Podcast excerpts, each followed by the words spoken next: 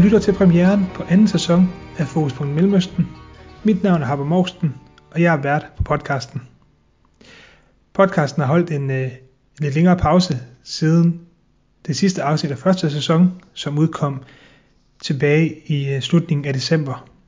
Hvis ikke du har hørt øh, nogle af de afsnit, så er du mere end velkommen til at, at gå lidt tilbage og høre øh, nogle af de 10 afsnit, som, som kom i sidste sæson. Men nu starter vi på en anden sæson, anden sæson, som byder på, på endnu 10 afsnit omkring øh, Mellemøsten og, og MENA-regionen. Og øh, der er flere spændende afsnit på vej. Vi skal øh, lidt omkring øh, nogle spejdere, vi skal lidt omkring øh, kafala-systemet i, øh, i golfen, øh, og der kommer en masse andre små og store emner, som vil blive taget op i løbet af den her sæson. Men i dag, der starter vi øh, lidt hårdt ud, og det gør vi, fordi vi starter med øh, Port Said-massakren. Port Said-massakren fandt sted i Ægypten i øh, 2012. Her øh, blev 72 Al-Ahly-fans, fodboldfans, slået ihjel på Port Said stadion. I øh, det, der har været øh, Mellemøsten og Ægyptens værste fodboldkatastrofe og sportskatastrofe. Jeg har selv skrevet øh, min øh, kandidat omkring lige nøjagtigt øh, de her fodboldultras, øh, de her ekstreme fodboldfans i øh, Ægypten, og hvad deres rolle var i det arabiske forår. Og det er netop det arabiske forår, som spiller en rolle i Port Said-massakren. For de her Al-Ahly-fans, de spillede en markant rolle i kampene på Tahrir Square, hvor de øh, ligesom kæmpede for, øh, for de øh, Ægyptere, der protesterede på, øh, på pladsen. Jeg kunne sagtens sidde og fortælle meget mere om, øh, om hvad jeg har skrevet i min kandidat for nogle år siden. Men øh, i stedet for har jeg valgt at tage fat i øh, James M. Dorsey. James Dorsey, han er øh, underviser på Rajaratman School of International Studies på Nanyang Technological University i Singapore. Og så er han forfatter til øh, en masse bøger, men også til den blog, der hedder The Turbulent World of Middle East Soccer. Og øh, The Turbulent World of Middle East Soccer er en øh, blog, som har kørt i nogle år efterhånden, som øh, James, som i øvrigt er uddannet journalist, øh, og nu også underviser, øh, som sagt, han startede den her blog for nogle år siden. Øh, på bloggen, der tager han øh, udgangspunkt i, i fodbold, men også i andre sportsgrene. Og her der prøver han ligesom at forklare mellemøstlige forhold gennem sport, ved at tage et, øh, et perspektiv gennem sport. Der er der også mange af hans øhm, opslag, som ikke, øh, som ikke nødvendigvis har noget med sport at gøre, men han er jo rigtig god til at øh, forklare, hvad det er, der sker i Mellemøsten igennem den her blog. Så den er klart værd at, øh, at tage et kig på, hvis du, hvis du synes, at den her podcast er interessant. Så vil du også øh, synes, at, at den her blog den er interessant. Det er jeg ret sikker på. Men lad os øh, komme i gang med, øh, med selve podcasten. Jeg øh, præsenterer James M. Dorsey på en øh, til tider lidt skrættende Skype-forbindelse fra Singapore, men jeg håber, I kan leve med det. God fornøjelse.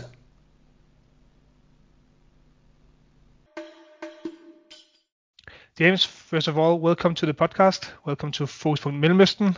Um, in this episode, we're going to talk about uh, the ultras in Egypt, and, and you're the right person for this particular uh, episode. Could you start just by um, introducing yourself for the listeners so they know who's the uh, the expert today? Sure. Well, I'm a, a, journalist and an academic, but more a journalist than an academic. Um, and my career's been religious and ethnic conflict over the last uh, more than four decades. Um, much of it in the Middle East, not exclusively in the Middle East, in Africa and Latin America and Asia, Southeastern Europe.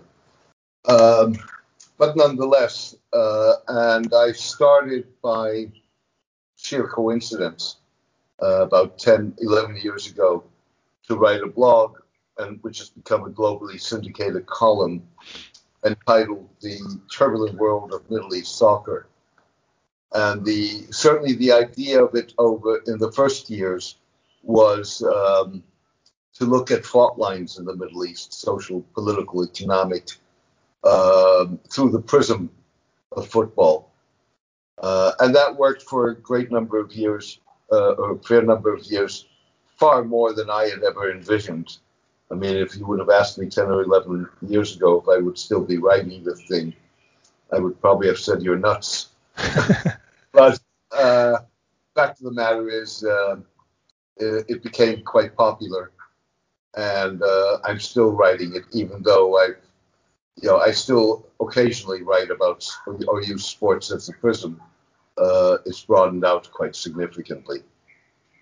Yeah, and just as a, how how where where did the interest in, in in the Middle East soccer scene come from? Because it's it's it might not be uh, the most uh, popular football scene in, in, in the world at all. Well, I think there are two things, uh, or three things. One, uh, I stumbled into it by a fluke, really. Yeah. Uh, what happened was that I uh, wrote a piece in the summer of uh, or late or late spring of of 2010, looking at why overall the Middle East was not a great performer in World Cups. And yeah. I looked primarily at the political reasons for that.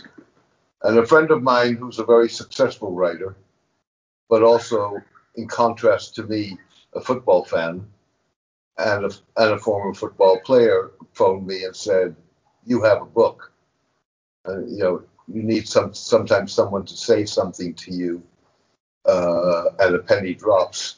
Yeah. That was the case. So, with other words, I was at that point looking at doing a book, but I didn't want to do a memoir. No. Nor an analyst sort of look back at everything, uh, and which would differentiate itself from uh, what a lot many others are doing by looking at where I cross the T's and dot the I's. And this seemed the perfect way of doing it. Uh, it also came at a moment, and again, I couldn't anticipate that, but nonetheless, where uh, football played a political role because of the, um, the popular Arab revolts in 2011. And again, this is not something I knew in advance, but sort of discovered afterwards that the Middle East was the one blind spot, both in terms of sports studies as well as in terms of Middle East studies. So if you looked at sports studies, you know, they looked at the Americas, they looked at Africa, they looked at Europe, yeah. and to a degree, they looked at Asia. Nobody looked at the Middle East, except for a few isolated scholars who looked at specific countries like Israel and Palestine, uh, or Algeria because of the role of football during yeah. the War of Liberation in the 1960s. But nobody looked at it structurally across the region and uh, tried to look at, at you know what what history there may be, what commonalities there may be. So in a sense, I was kicking into an open goal. Yeah. yeah. uh, not really realizing that it wasn't that the goal existed or that it was open. Yeah. so in many ways, I, I, just was very lucky. Yeah. And that uh, made that blog that today is, is is fairly popular when it comes to Middle Eastern soccer. And uh, and what we're going to talk about today is um, is in Egypt and uh, taking a stand in the Port Said massacre. When this comes out, it's uh, nine years ago that that the massacre happened uh, in Port Said. Um, and just to to make a, a, what it's all about is 72 members, as I recall, of the uh, Ultras Ahlawy um, was killed after the match between Al Ahly and Al Masry.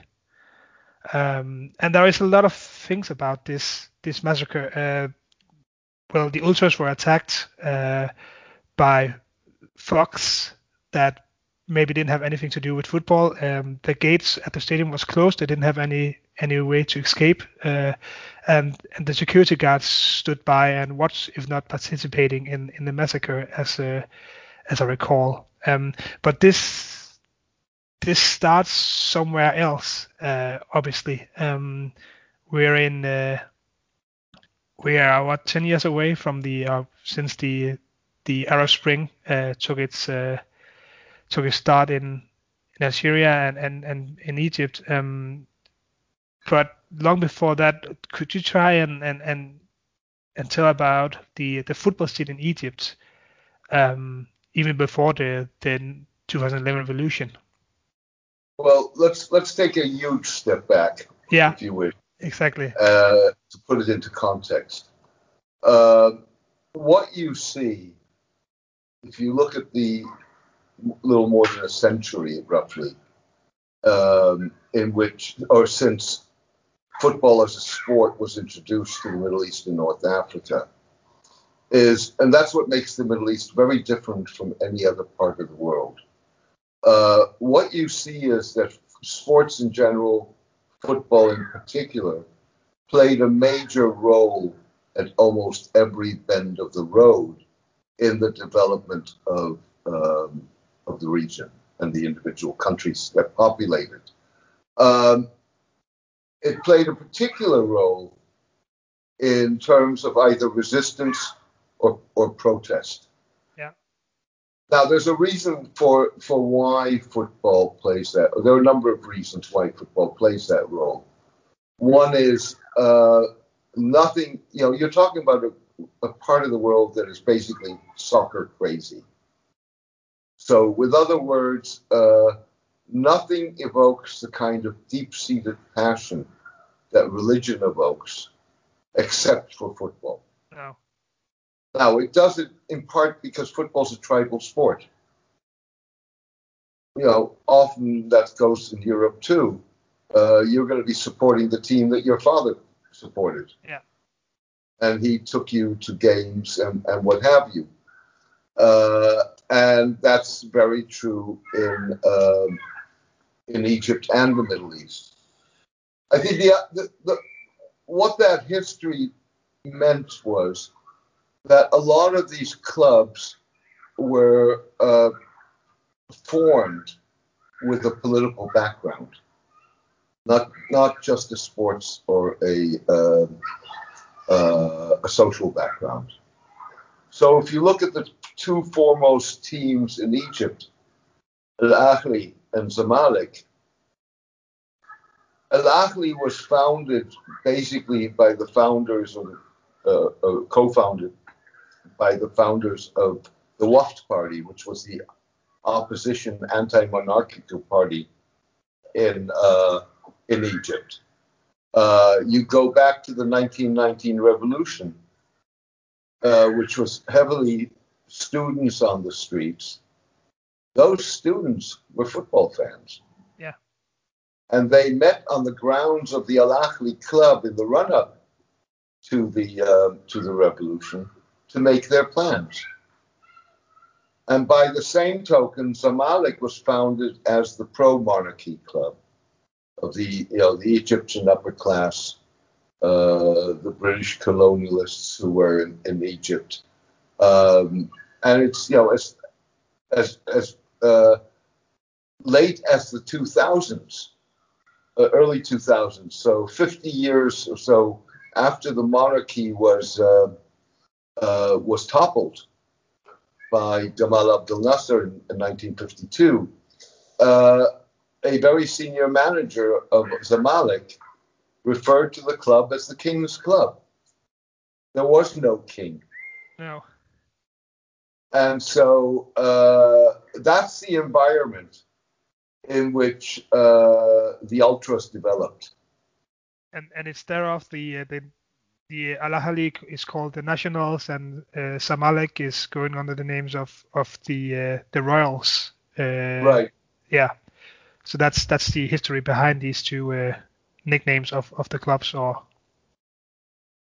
and so what you got in the in, in the early 2000s was that you had a number of uh, uh, very passionate soccer fans, most of them middle class, educated, uh, who uh, expressed their passions through football uh, surfed the internet, came across uh, ultras in Serbia, in Italy, to a lesser degree in um, in Argentina, and basically adopted the idea. Now they were not the first uh, ultras in the Middle East and North Africa. The first ultras were actually in Morocco.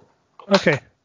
And you had some in Tunisia, Algeria, but the Egyptians sort of emer- emerged ultimately as the most uh, uh, prominent of them, and they uh, essentially they, they have a they have a very precise analysis of the power structure of the sport.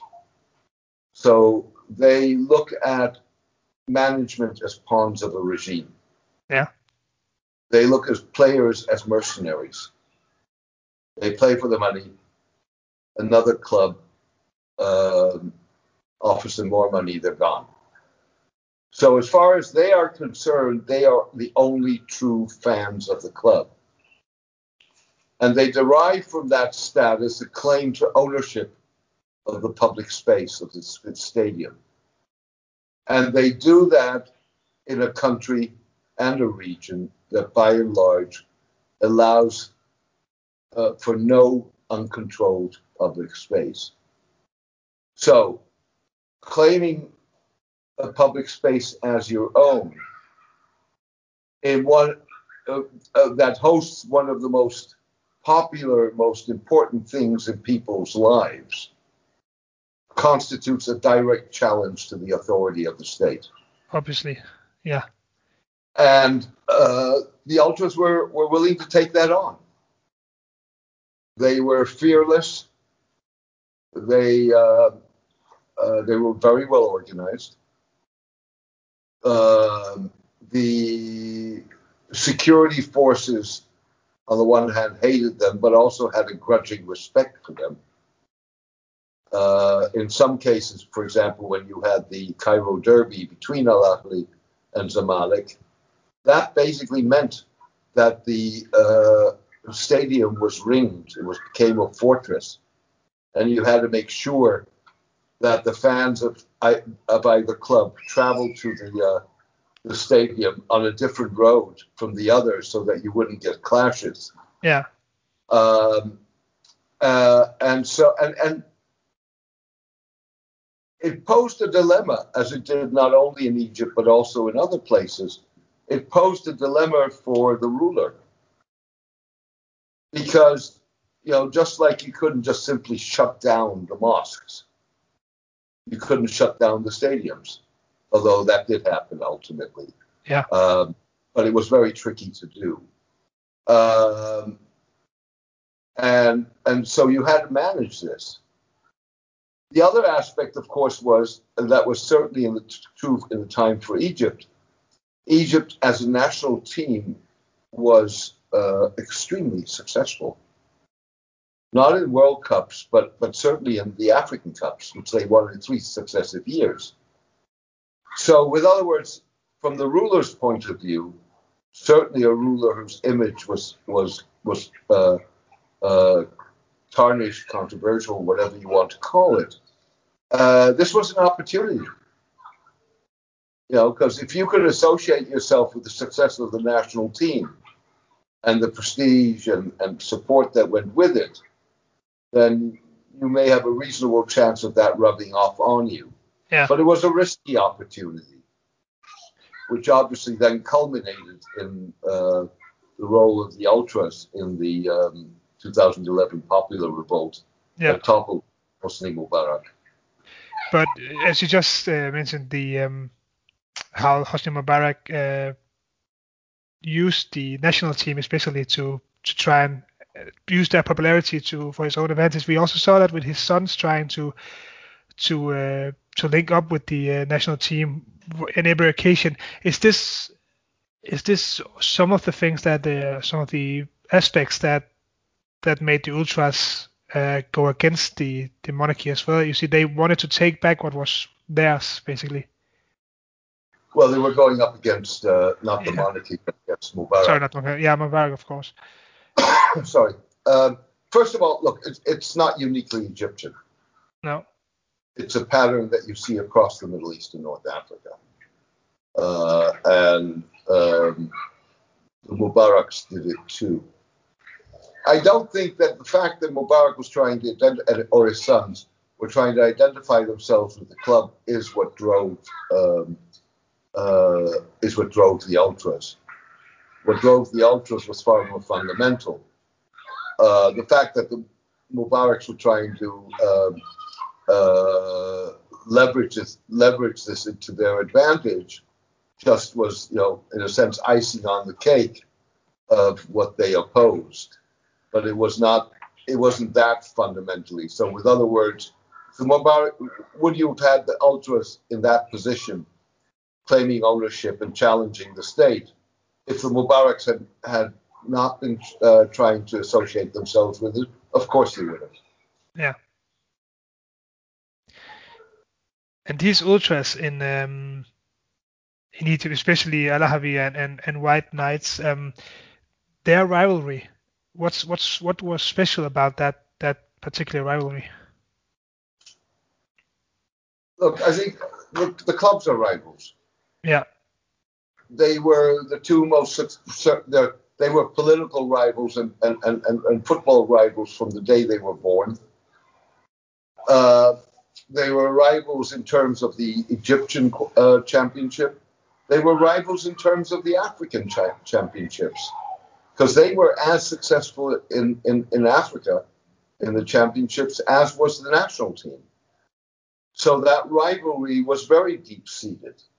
Um, even if it was to some degree bridged during the uh, popular revolt in 2011 uh, and and then Port Said, of course, in 2012.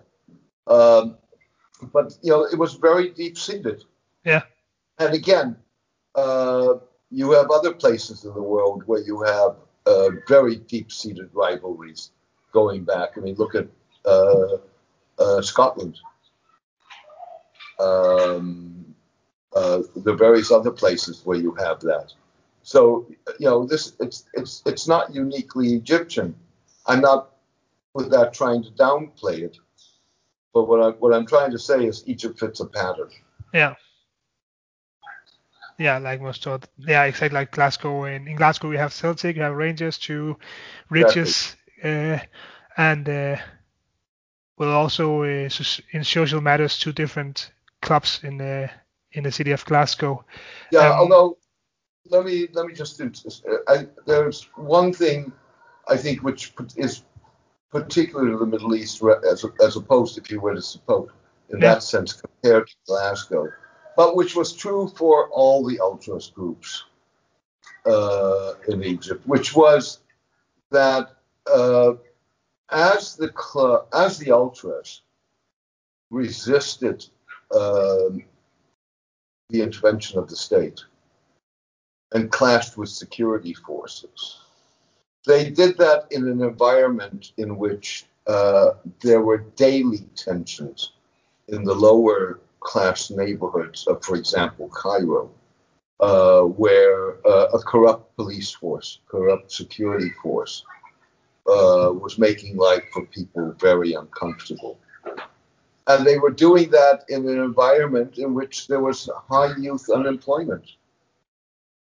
So what you got was that what started out as relatively smaller groups, they mushroomed because you had these thousands of uh, young men frustrated, you know, uh, pent up anger, uh, pent up frustration, and you know this is uh, this was an opportunity and a channel for them.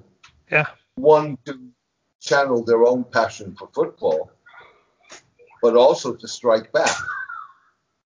Against yeah, because how was how was the um, obviously in in other areas of the world you have uh, in Italy you have always had uh, some ultras uh, confronting the police before and after matches. You have uh, you have had clashes in, in Rome with Lazio and Roma. And what what was the relationship, uh, if you can call it a relationship, between the uh, the police and the security forces in, in Egypt and, and the ultras? Uh, was it it was it a constant clash between these two, or, or Look, how I think? I think there's several things. Yeah, In this, if you want to phrase it that way, ideologically, there is a uh, f- f- fundamental divide between the ultras and the security forces. yeah, Uh, there's a very anti-authoritarian element to the ultras. Uh, deep distrust of the state. Um, they look at security forces as, uh, you know, all cops are pigs, yeah, basically. Now, there's a major difference between Europe and um, uh, and the Middle East, which is why I think the concept of a hooligan in Europe is valid yeah. Not valid in the Middle East. Middle East, no. And the reason for it is so in Europe, you have any number of ways to express discontent, to get your voice heard. You know, the, the times that the only option uh, may be violence or confrontation are very few, far and few between. Yeah, You also have law, a law enforcement that, as a matter of principle, maybe not always implemented, but as a matter of principle, is trained to avoid clashes, is trained, is trained to engage and to be proactive rather than reactive. None of those, uh, in, in, in, in the Middle East, there were very few and far between ways, if at all, to express a dissident voice and, ha- and, and make it heard.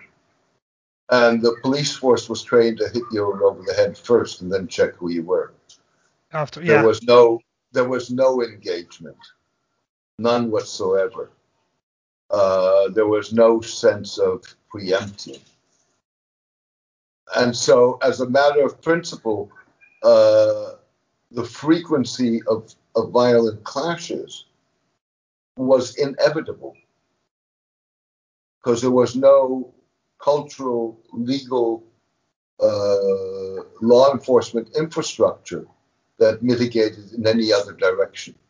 no.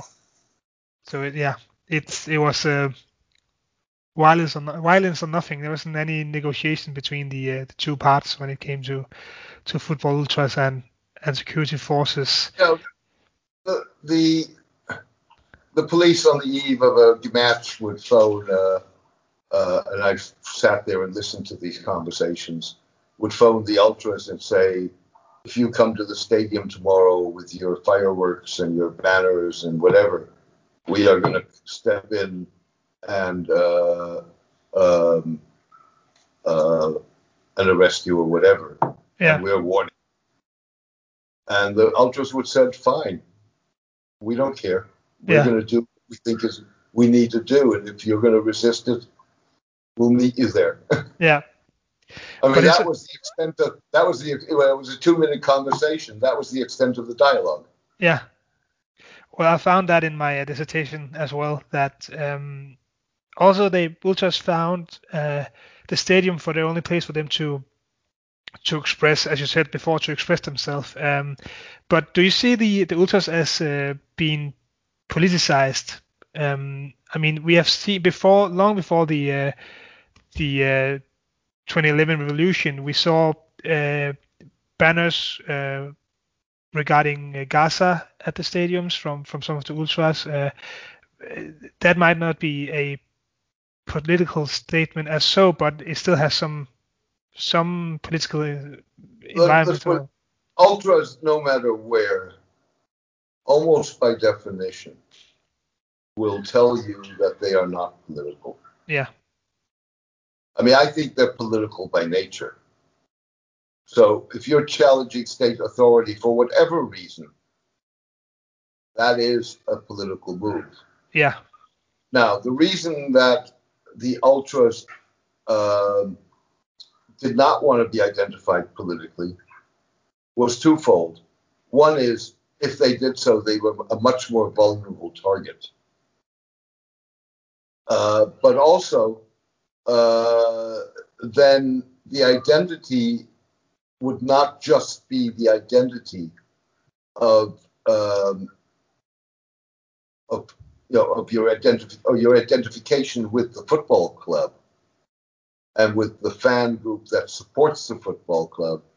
It also would be an ideological identification, which meant that you would, by definition, narrow your base. Yeah. And the um, the ultras didn't want to do that. So, you know, their insistence that they're not political was, in my mind, purely tactical. So there was a political um, agenda somewhere, uh, even though they, they wouldn't be. All, cop, all cops are pigs is a political agenda. Yeah, yeah, you're right. um, but James, I mean the the whole political um, aspect of these ultras um, was, some would argue, hardly hard to uh, to not see when it came to the um, to the role in the 2011 revolution, um, especially at the Tahrir Square in uh, in Cairo. They they played a massive uh, part of, of the revolution.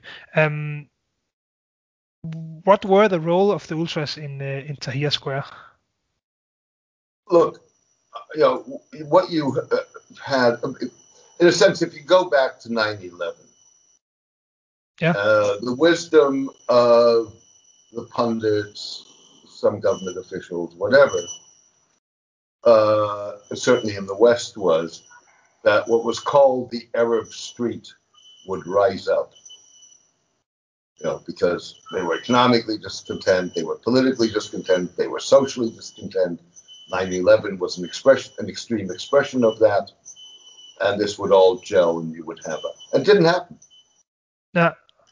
Uh, and so, as a result, after a while, if you were someone who continued to uh, uh, to argue that one should pay attention to what's happening on the street, you were poo-pooed. Yeah. Fact of the matter is, the issue, the fact of the matter is that this was simmering all along, right at the surface. And you, with popular revolts, you never know what uh, what's going to spark it. True. You never know if an incident is going to spark anything. You never know what it's going to spark, and you don't know how that's going to play out. So it took a decade from 9 11 for a series of incidents, you know, including um, uh, the self immolation of a vegetable vendor in Yeah. Tunisia, to uh, mobile phone videos circulating in Egypt of uh, the mistreatment of individuals in police stations uh, for that to spark these revolts. For the same token, those videos like that may not have sparked anything. You, you know, you can't predict it. Had a, a, a, in a sense, you had groups that were preparing for this, not necessarily capable of sparking it in and of themselves, but uh, in many ways more prepared for if it should happen. And it wasn't really the football fans that even sparked this, but they grasped the moment it happened. They understood the potential. Yeah. They were willing to exploit that potential. Now, you'll go back to the pictures of the millions of people in the streets of Cairo and in Tahrir Square. The vast majority of those people had never been in something like this before. The vast majority had never even thought about going out on the street to voice their their uh, opinion. No.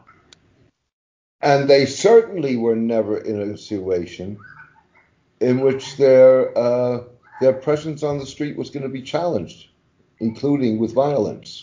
Yeah. The only guys who had that experience had the discipline, had the infrastructure, had the knowledge to uh, to respond to that and to organ, you know, once it was out there, to manage it, were the ultras. Yeah. They and worked so as a unit. Yeah. Played a very central role. And again, the ultras were were people, you, you know, going back to what I said earlier. This is a soccer crazy country. Yeah. The majority of those people on that square were soccer fans. Maybe not that passionate, maybe not that militant, but they, you know, in the old days, you were, if you met somebody in Cairo who you didn't know, the question was not where do you live or whatever. It was are you Ahli or are you Zamalek? Yeah. That's that's how deep this went. Yeah. So for a lot of those people, the ultras, whether they really agreed with them, didn't agree with them, were people they respected because they stood up uh, for their for their passion, and they were fearless. Yeah. So they didn't give ground. And you would hear people on Tahrir Square say, "I can't leave if they don't leave. If they're willing to stay, how how can I leave?" So in a sense, they were also a, a, a moral inspiration. Uh, they also somehow became a um, a symbol on of the the battles of Tahrir Square, I guess. Well, they, yeah, I mean, they obviously became a a, a, a symbol of it. On top of that, of course, they continued their protest. Yeah. Even after Mubarak fell. Uh, and that culminated in the uh, incident in Port Said. Yeah. Which was the worst uh, incidents of violence, sporting violence in the history of Egypt. And that, of course, kept them in the public eye. But do you think that, again, as we talked about earlier, um, the ultras will not say themselves that they are politicized. They will do whatever they can to to, refrain from being uh, seen as political, but but being playing this major part in in Tahrir Square and and also as we come on later to in Port Said, doesn't that make them, I guess, political? Uh, like, doesn't it make them obvious political? Well, in my view, they are political by definition. Yeah the whole notion of the ultras is political. Uh, it became somewhat more openly politicized, certainly after uh, during the the election in 2012 and after the election, which was won by a member of the Muslim Brotherhood who was the wrong man at the wrong place at the wrong time. Yeah. And if you would have given him a checklist of what not to do, he would have checked every box. yeah. And so, and so what you got was basically that what already was a polarizing event because of perceptions of the Brotherhood, but also because of uh, foreign intervention. You know, um, uh, the Saudis and, and, maybe even more importantly the Emiratis, uh, you got a very polarized situation, uh, and that the uh, the um, the ultras were not uh, immune to that polarization. No. And so you had ultras on both sides of the divide within the same ultras groups, which then ended up when you had the 2013 military coup and the first year or so of uh, military rule. It was the ultras that were out there standing up against it. And it was primarily those ultras who were either associated individually or had empathy for uh, the Islamist movement and particularly the Brotherhood. Yeah. So, in other words, over time, it became inevitable for that to be, for that, for the political nature of all of this to become far more evident and Yeah. no longer playable. Um, James, just before we go on to um, to talk a bit more about the uh, the Port Said massacre, I just wanted to ask you, um, the Ultras Ahlawy and the Ultras White Knights were were enemies, if you can use that word, um, when it came to, to football, but but they stood together in um, in in in uh, Tahrir Square. How how can these two groups work together? Look, they still are rivals. Yeah, That's not going to change. Uh, what I think has changed is whereas before you needed the police to keep the two groups apart, there was a common interest, a common enemy. Yeah. They were fighting the same the same enemy, if you wish. Um and that drives people together. And what happened in Port Said to Al Ahly could have happened to Zamalek. And Zamalek was very aware of that, aware Yeah. of that. And uh, you know, some of it, some of Zamalek's players think about Butreka. Were very political. Uh, so the fact that you, ret- you know, on the one hand, retain that animosity, and yet find common ground, is not unusual, and it's probably something that the Americans should look at today. yeah. they could watch and learn. um, yeah, as you said, it, it, it what happened in uh, Port Said could also happen for for Zamalek. So let let's go on to um to to, to the Port Said massacre. Um, it was a match between uh, Al Ahly and Al Masri.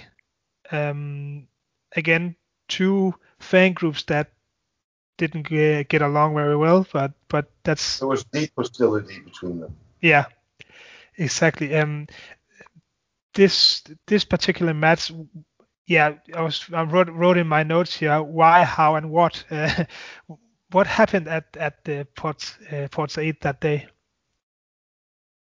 There's there's little doubt in my mind that uh, the military government wanted to teach the ultras a lesson. Now, having said that, I don't think that a bunch of military officers got around a table and said, "When this is all over, we want to see 72 bodies." No. I, I think it got out of hand.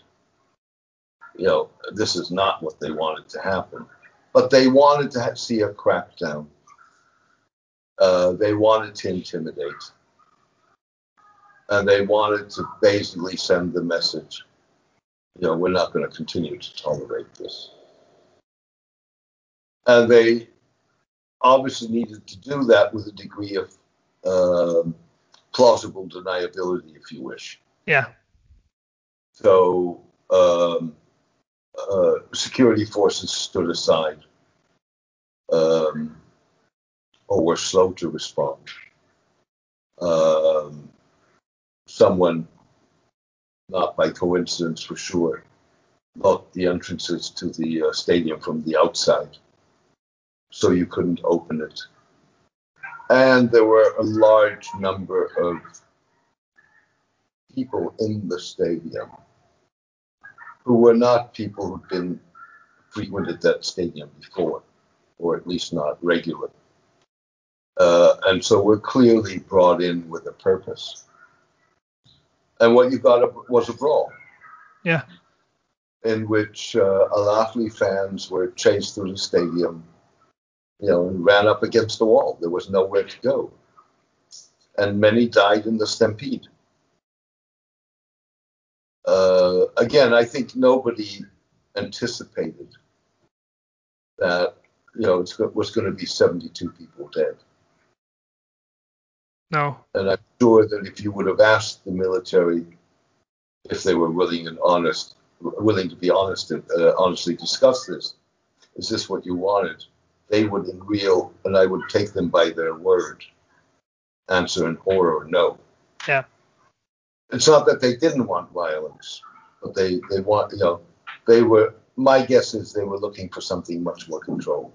Yeah, they were trying to teach them a, a, lesson, and um, the, some scholars say that this was a uh, um, retribution for the Tahrir Square. Do you see it in the same way that this was their I way? I don't of... think it was retribution. You know, sure, nice way of putting it. Yeah. Uh, so let's put it this way: if Tahrir Square had happened and the ultras had uh, melted into the background, would you have gotten Port Said? Probably not. Yeah. So it wasn't a revenge. You know, it wasn't revenge.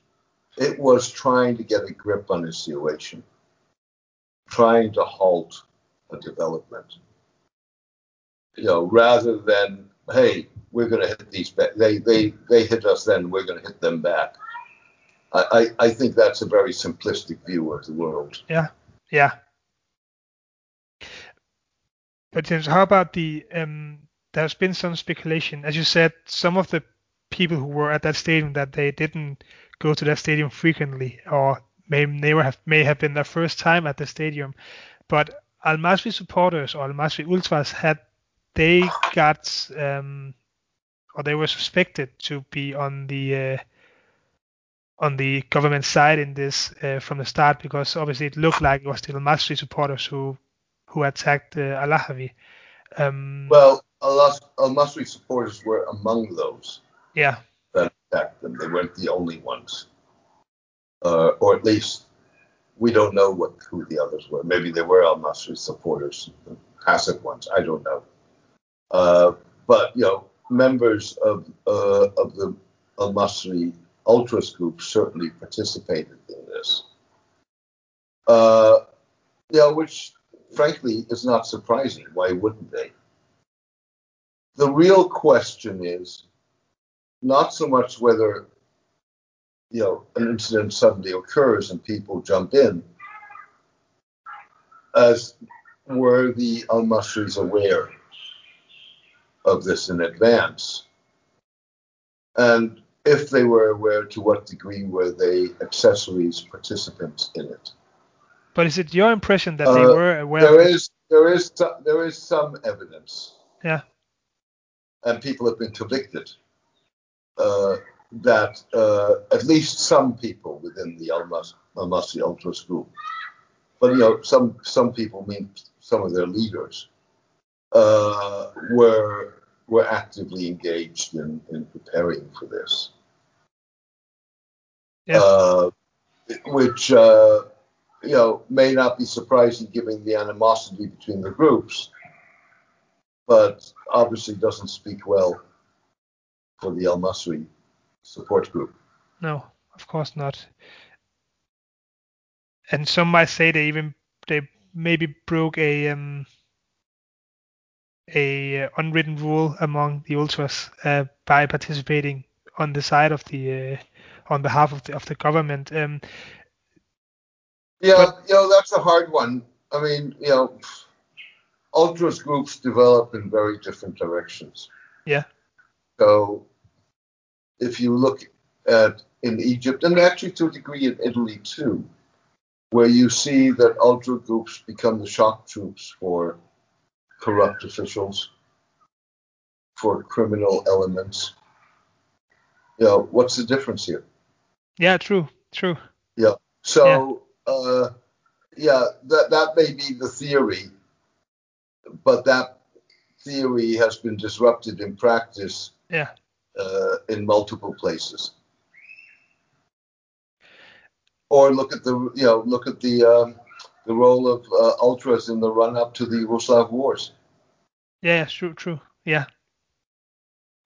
But um, James, what what have been the aftermath of um of of this uh, massacre? Well, the aftermath was obviously, on the one hand, enormous shock. Um, uh, I, you know, and, and you created martyrs and what have you. Um, and you had the enormous uh, battles, very vicious battles that took place several months later on Mohammed Mahmoud Street in Cairo uh, between the security forces and the ultras. Uh, but ultimately, what really was the, the watershed event was the military coup and the very brutal crackdown of the Sisi government. Yeah. Um, which really meant that, which that initially produced the ultras as the backbone of protest against the coup. Certainly after the Rabaa Square incident, in which more than 800 people were killed, mostly members of the Muslim Brotherhood, who were out there peacefully uh, protesting on the square. Uh, that really just left the the ultras over, and even that space has been totally eradicated. You know, there is you've had incidents of protest in Egypt in recent years, since 2013, since the coup. But by and large, there's no space. And, and the risks have become phenomenal. You know, now I don't think that's sustainable, but that's a different discussion. Yeah. Uh, just when when I wrote my dissertation on on this particular um, uh, ultras, my um, the headline was "Enemies of the Regime" in in a question mark. Um, there's been different regimes since 2011, but do you do you do you follow this headline? Are were the were the ultras enemies of the regime, or did they become the enemies of the regime uh, after 2011? Let's put it this way: they, you know, the ultras, by definition, challenge authority, irrespective of regime. Yeah. Uh, that's one.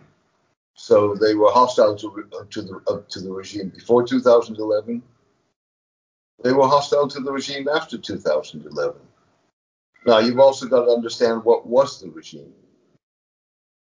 Uh, the uh, the uh, the immediate successor to Mubarak after he was toppled was the military. Now, to be fair, it was the military with popular acclaim. You know, you look at Arab protest over the last decade, it's evolved.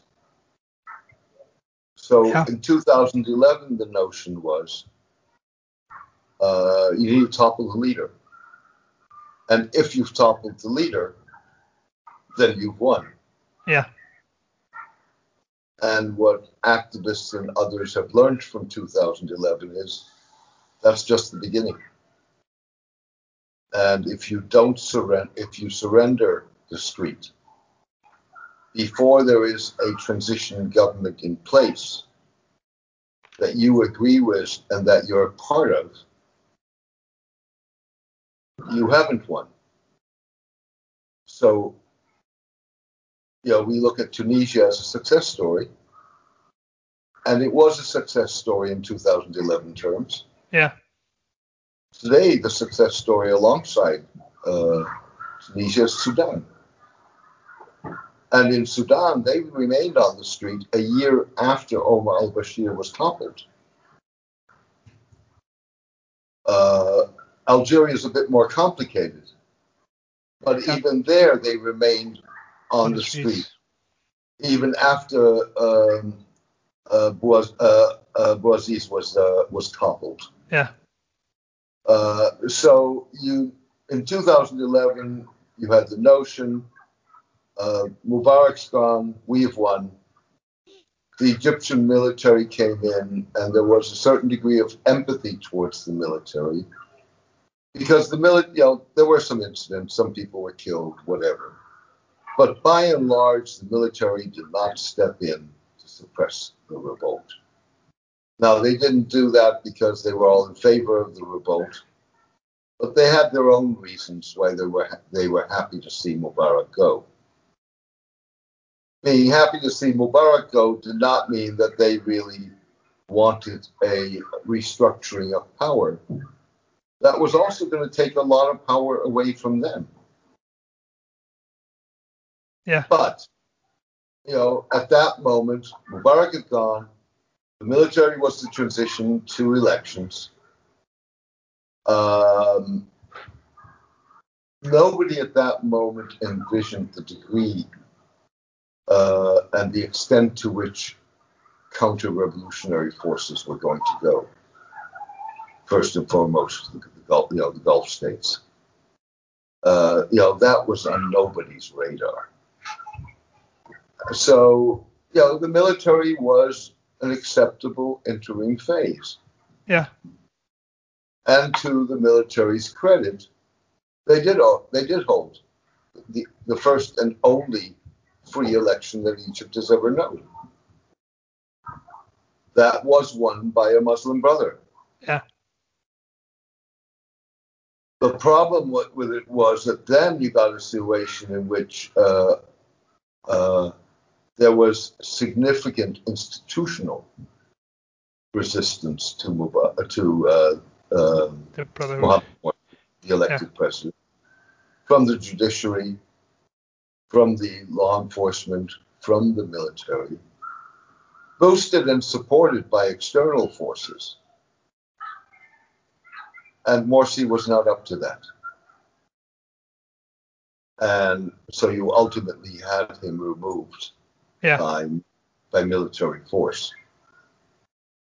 Uh, and you know, so with other words, everything that uh, those in Tahrir Square had believed that they had secured was wiped away within two years. Yeah. Just before we we uh, we end this um, conversation, James, I just want you want to know where does um, the ultras group stand today? Because there were some years without football in uh, in Egypt, uh, or at So least where they, out- uh, well, they are still without football. yeah, you're not allowed to. Yeah, Yeah, and- you, you don't have. You, I mean, you don't have access. Spectate, There is no spectator access. exactly. In fact, look at this week's uh, handball uh, Yeah, handball world championship, where the plans to allow limited access of fans were scrapped. yeah, You know, so there haven't been the you know what the the ultras groups still exist, uh, but they in a sense exist in a void. They exist online. okay, Um, uh, you know, they're uh, what the basis for their popularity is not there. yeah, Whether they would regain that popularity if and when we return to some degree of normalcy, and you again have um, uh, soccer matches, you have spectators. We'll have to see. You know, that's true not only for Egypt, that's true across the globe. yeah, of course. And and but what is true, I mean, you know, so in much of the world, uh, the absence of, of spectators is a year old. In uh, Egypt, it's a decade old. Yeah, So you're going to see generational changes. You know, people move on. yeah, uh, ultras groups are not by and large groups that are representative of all age groups. No, I remember that they they had a certain age, and then people got families, they got jobs, they People they get moved away families, they have jobs. Uh, Yeah. You know, you evolve as a person, uh, and and so so on. So you know, it's very hard to say what the future of that uh, of those groups will be, or whether they may emerge in different forms. Yeah. You know, your guess is as good as mine.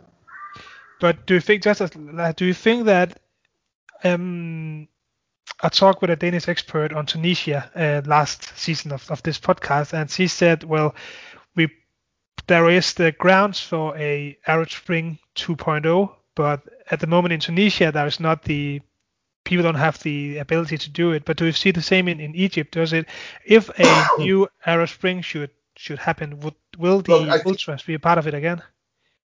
I think you need to look at protest Yeah, in 2011 but also in 2019, 2020.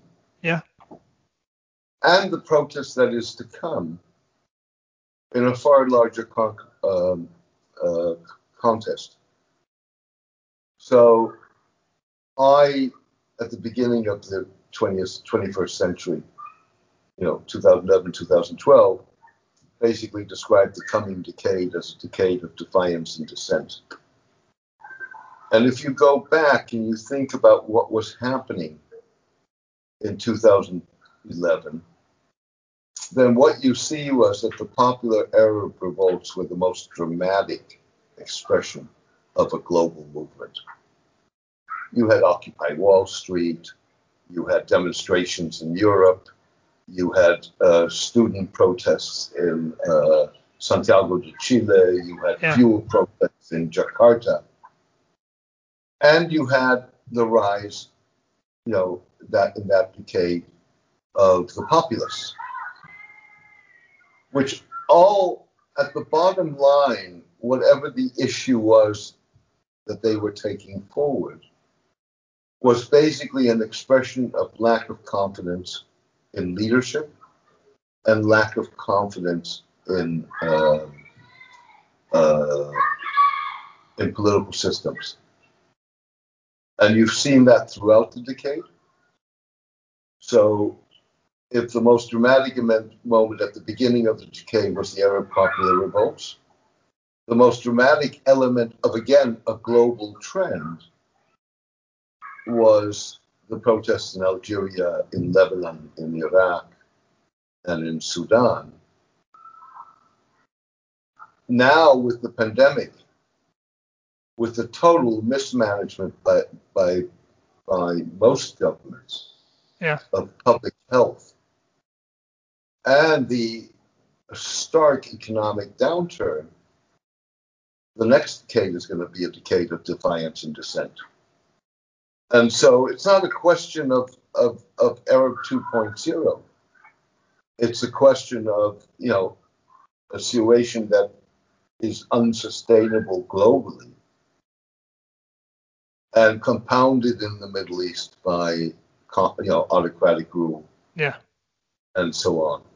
So there's no question in my mind that you're going to see protest. But, you know, I think it would be a mistake to look at protests in the Middle East as exceptional. Yeah. Rather than as you know what it what it should you know is and should be part of broader trends. Yeah. But do you see the ultras stand up again and become a a face of the protest, or is it is that possibility long gone? At this point, it's gone. Yeah.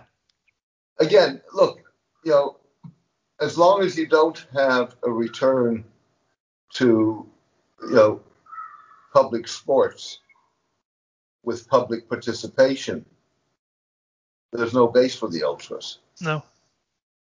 Now, what happens if the pandemic is uh, mastered tomorrow? You know, Egypt is doesn't have to worry. Everybody's vaccinated. Uh, you know, people can move people can go f- freely. Um, and you have, you know, social and economic protest, possibly. But I think, you know, put your finger up in the wind and see which way it blows. Yeah. and by that, I think that was the perfect ending to this conversation, James. Uh, thank you again very much for taking your time to uh, to talk with me about this uh, particular uh, area of, of the Middle East. Um, and thank you for, for being a part of the podcast this time. I hope that I can um, use your expertise again someday. Any day, anytime. It was my pleasure. Thank you for having me. Altså en øh, massakre, som, øh, som i den grad øh, fik betydning for, for historien om, øh, om de her ultras og historien om øh, det arabiske forår i Ægypten. Jeg synes personligt, det var ekstremt spændende at dykke ned i, da jeg skulle skrive min øh, kandidat. Nu er jeg også meget interesseret i fodbold, så det havde en naturlig tilgang til det. Men jeg håber også, at I har syntes, at øh, det her afsnit har været spændende. Om øh, små 14 dage, så er jeg tilbage med et nyt afsnit. Jeg håber, at I vil høre med og ser frem til den her anden sæson af Fokuspunkt Mellemøsten. Indtil vi lyttes igen, have det rigtig godt, og følg med på Facebook. Her kommer der løbende til at komme nyheder ud omkring podcasten. Til vi lyttes igen på gensyn.